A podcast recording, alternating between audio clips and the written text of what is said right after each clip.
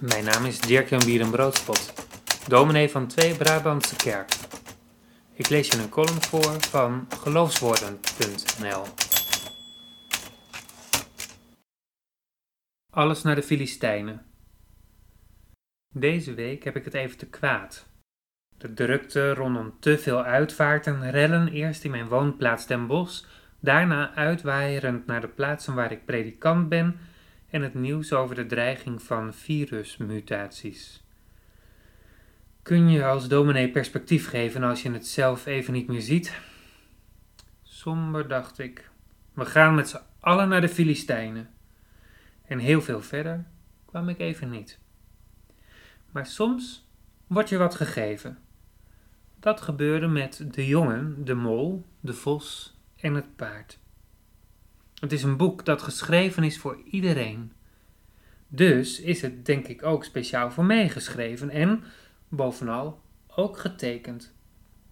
Ik denk, of nee, dat weet ik eigenlijk wel zeker, dat het speciaal gemaakt is voor dagen dat je somber denkt dat je naar de Filistijnen gaat.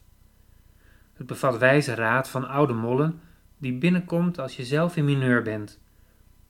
De meeste oude mollen, die ik ken, zouden willen dat ze minder naar hun angsten hadden geluisterd en meer naar hun dromen. En het laat zien dat je soms de verkeerde bril op hebt. We hebben nog zo ver te gaan, zuchtte de jongen. Ja, maar kijk eens hoe ver we zijn gekomen, zei het paard. Maar de mooiste is deze. Soms is haat het enige waar je over hoort. Maar er is in deze wereld meer liefde dan je je ooit kunt voorstellen. Het sombere gevoel dat we met z'n allen naar de Filistijnen gaan, dat het toch allemaal voor niks is en dat het kennelijk toch niemand wat kan schelen, waaide weg met het omslaan van de pagina's. Zo ontstond er weer ruimte in het hoofd. Er plopt zowaar een oud liedje op. Simson, Simson, alle Filistijnen verdwijnen, verdwijnen als jij komt. Ik heb het denk ik leren zingen in de kleuterklas. Ik zoek het op in de liedbundel Alles wordt nieuw en vind ook een mooie versie op YouTube. Voorzichtig grinnikend in mijzelf denk ik.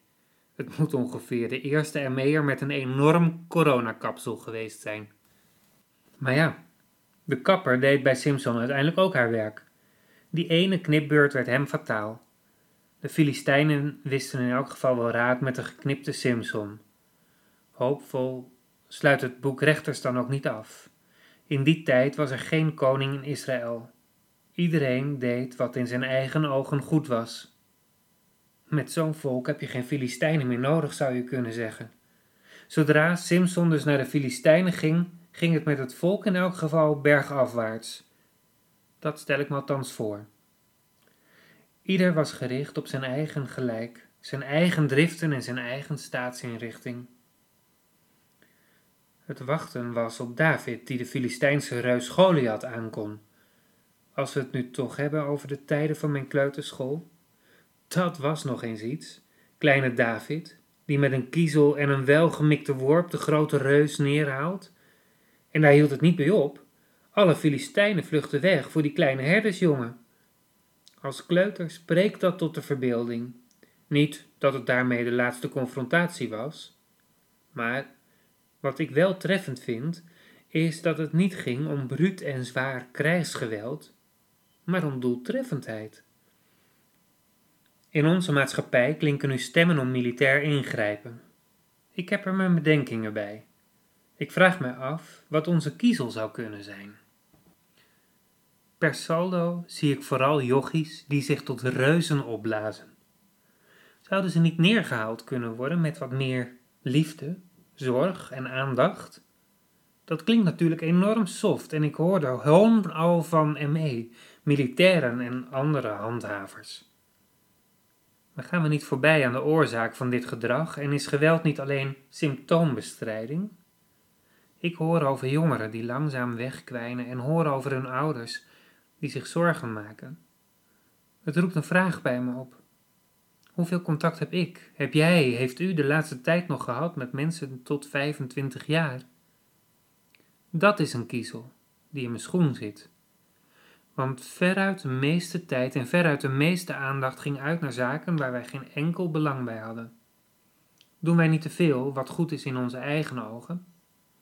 De jongen, de mol, de vos en het paard bepalen me bij het belang van vriendschap. Zouden we die misschien kunnen sluiten met onze railschoppers? Je luisterde naar een column die ik schreef voor geloofswoorden.nl. Vond je het de moeite waard? Deel het gerust met anderen. Graag tot een volgende keer.